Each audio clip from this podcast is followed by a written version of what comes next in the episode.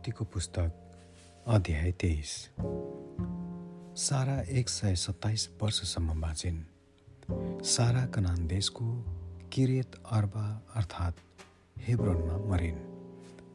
Abraham साराको निम्ति शोक र विलाप गर्न त्यहाँ गए। अब्राहम लास भएको ठाउँबाट उठे र हित्तीहरूलाई यसो भने तपाईँहरूका बिचमा म एक प्रवासी भएर बसेको छु। यस लासलाई गाड्न चिहानको लागि कुनै जमिन मलाई बेच्नुहोस्। हित्तीहरूले अब्राहमलाई भने हे प्रभु सुन्नुहोस् तपाईँ हामीहरूमध्ये एक शक्तिशाली शासक हुनुहुन्छ। हाम्रा चिहानमध्ये सबैभन्दा असल चाहिँ छानेर लास गाड्नुहोस्। हामीमध्ये कसैले पनि आफ्नो चिहान लास गाड्नलाई तपाईँलाई दिन इन्कार गर्ने छैन। तब अब्राहम उठेर हित्तीहरूका अघि निहुरेर दण्डवत गरे। तिनले तिनीहरूलाई यसो भने यदि मैले यो लास गाड्ने तपाईँहरूको मन्जुरी छ भने मेरो कुन्नु कुरो सुन्नुहोस् र सोहोरका छोरा एप्रोनसित मेरो निम्ति यो बिन्ती गरिदिनुहोस् कि उनले आफ्नो निजी मकपेलाको ओडार मलाई बेचुन्। त्यो उनका खेतको छेउैमा छ। त्यसको पुरा दाममा तपाईँहरूकै बिचमा एउटा गाड्ने ठाउँको निम्ति उनले त्यो जग्गा मेरो अधिकारमा दिउन्।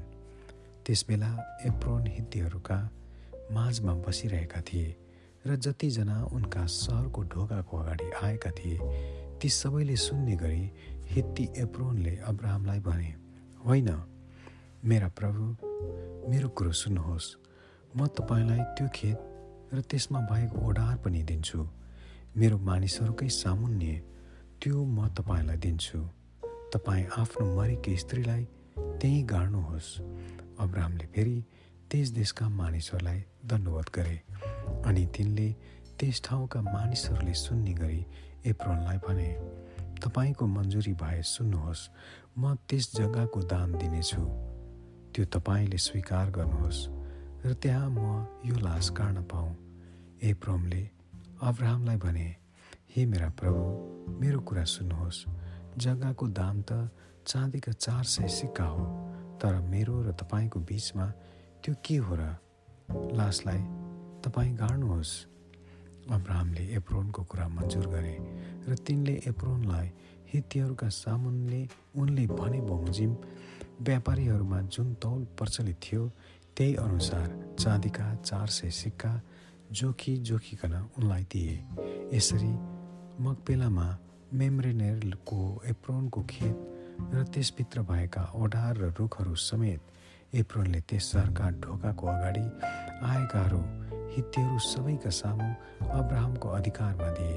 त्यसपछि अब्राहमले आफ्नी पत्नी सारालाई कनान देशमा मेम्रिनेरको अर्थात् हेब्रोनमा भएको मकपेलाका खेतको ओढारमा गाडे।